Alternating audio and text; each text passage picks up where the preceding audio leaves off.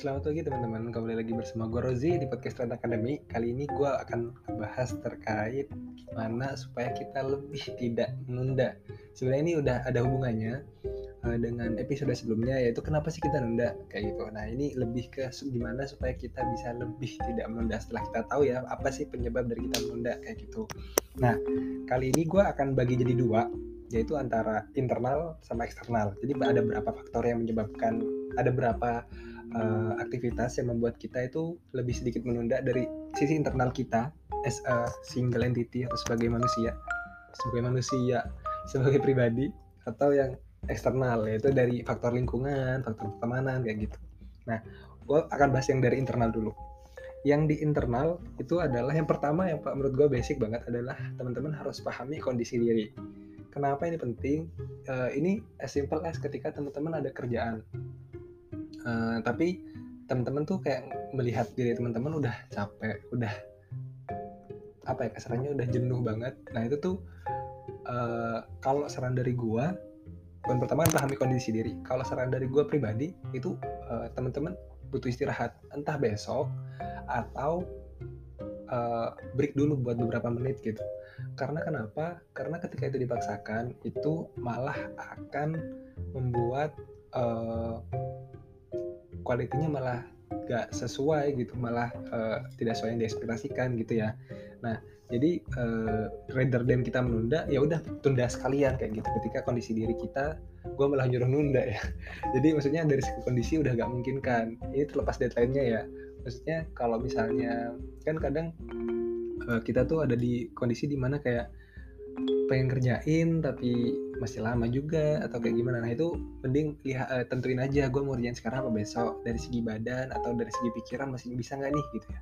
Uh, kayak self reflection kayak gitu kayak oke okay, dari segi badan oke okay, dari segi pikiran oke okay, ya udah sekarang kayak gitu. Nah ini lihat ke yang kedua. Yang kedua ini dari Aiman Sadik.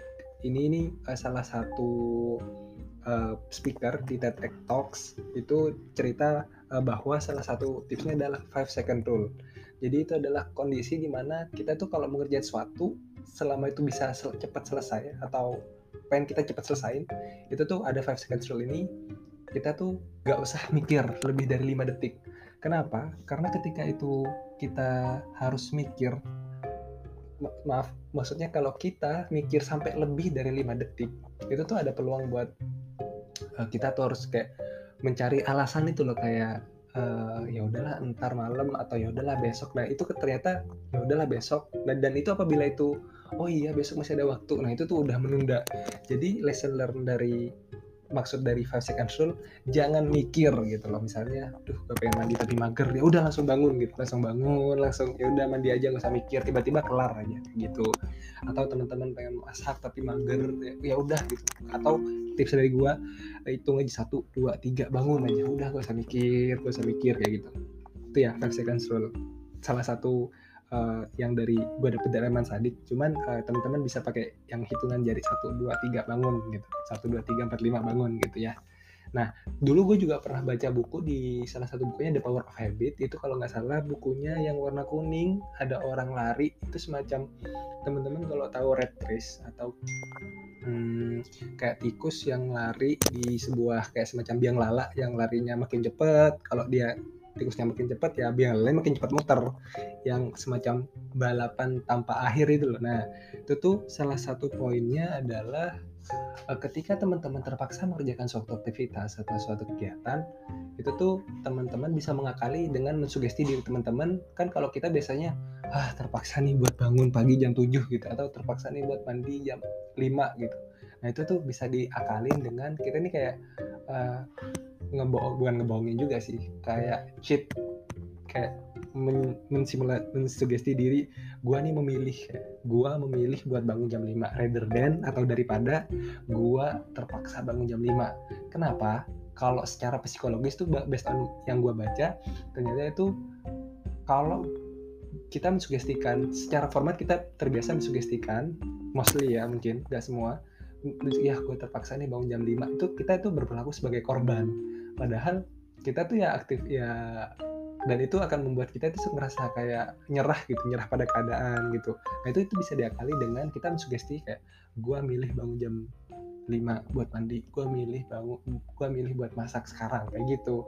Jadi satu dua tiga nah itu kan kadang ah terpaksa nih gitu. Meskipun temen udah bangun atau gak mikir ya udah itu bisa sambil kayak kalau masih kepikiran ya udah ini gue milih buat ini uh, kalau bisa kasih teman-teman kasih uh, efek positif kayak gue milih buat mandi jam 5 biar bisa jogging nih sama teman atau biar bisa seger atau biar bisa produktif kayak gitu. Atau gue milih tidur awal biar besok uh, bisa bangun pagi kayak gitu. Jadi uh, teman-teman stimulasi itu ya.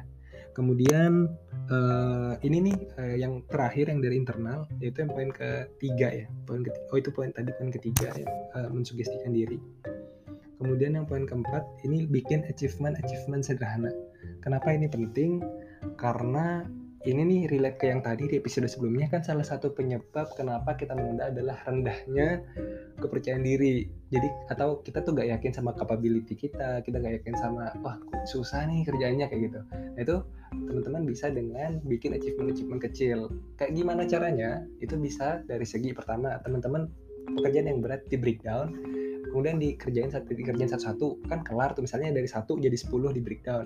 Nah kelar tiga. Nah itu ternyata teman-teman kelar satu kelar dua kelar tiga kelar empat dan seterusnya sampai 10 yang hasil breakdown dari satu pekerjaan gede tadi itu bisa uh, meningkatkan kepercayaan diri teman-teman. Kayak satu kecoret nih wah udah kelar satu. Nah ini jadi ini relate ke yang tadi uh, bahasan gue di episode sebelumnya di mana alasan salah satu alasan menunda adalah rendahnya kepercayaan diri akan kapasitas atau kapabilitas kita dalam menyelesaikan pekerjaan tersebut.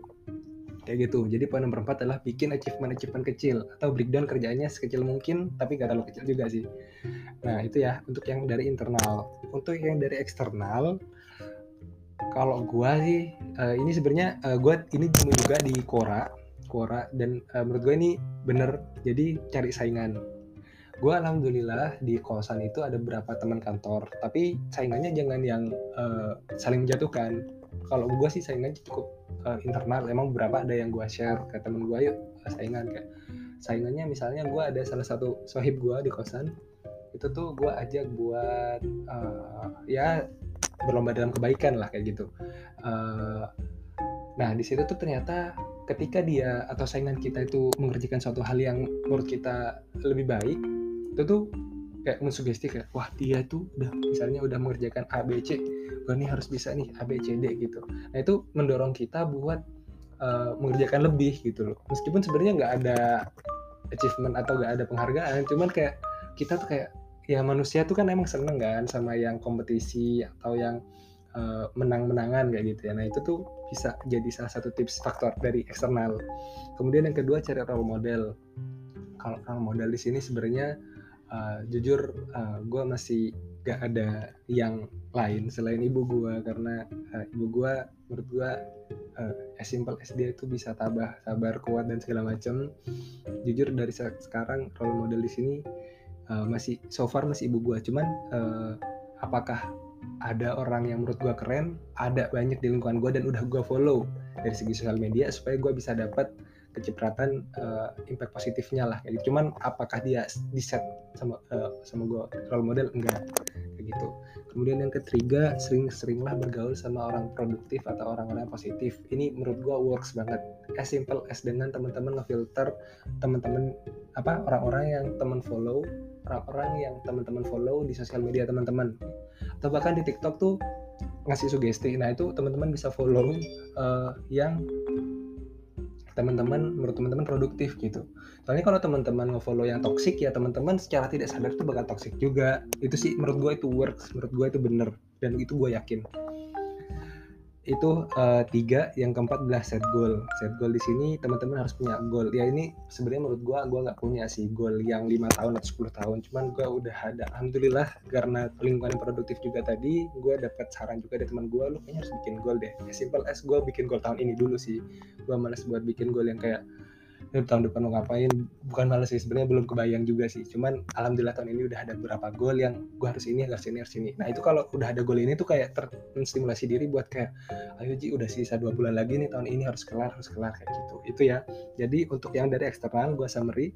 Yang pertama cari saingan kemudian cari role model yang ketiga sorry yang kedua sering-seringlah eh yang kedua role model yang ketiga sering-seringlah bergaul sama orang yang positif hindari yang toksik hindari yang toksik sama yang terakhir adalah set goal. Set goal teman-teman as simple as bulan ini tahun ini mau ngapain.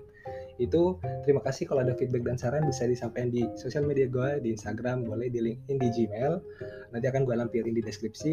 See you on the next episode. Thank you. Wassalamualaikum warahmatullahi wabarakatuh